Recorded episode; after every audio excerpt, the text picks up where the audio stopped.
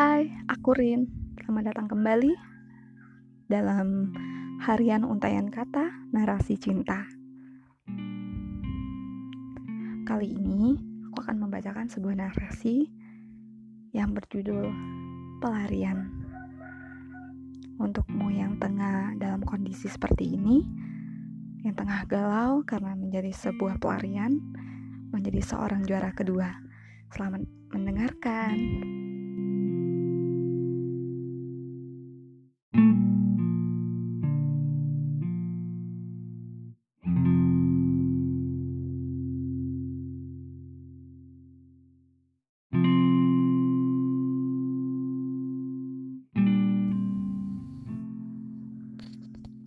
Pelarian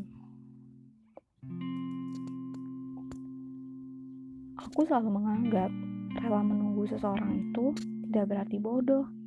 Itu hanya berarti teguh pendirian. Karena sekuat apa pun kita menyangkal sesuatu yang dikatakan oleh hati, sekuat itu pula hati kita akan berusaha mendesak. Mungkin karena itulah aku tidak bisa meninggalkanmu sendirian. Meski dengan biadabnya, kau bertingkah seolah aku adalah buku harian yang cuma kau isi dengan keluh kesahmu. Tanpa perlu kau tanyakan bagaimana perasaanku. Kemudian, kau mencari pengilang rasa sakit untuk meredakan hari-harimu yang suram. Aku pun dengan sukarela menjadi pemeran pengganti untuk meredakan malam-malammu yang muram.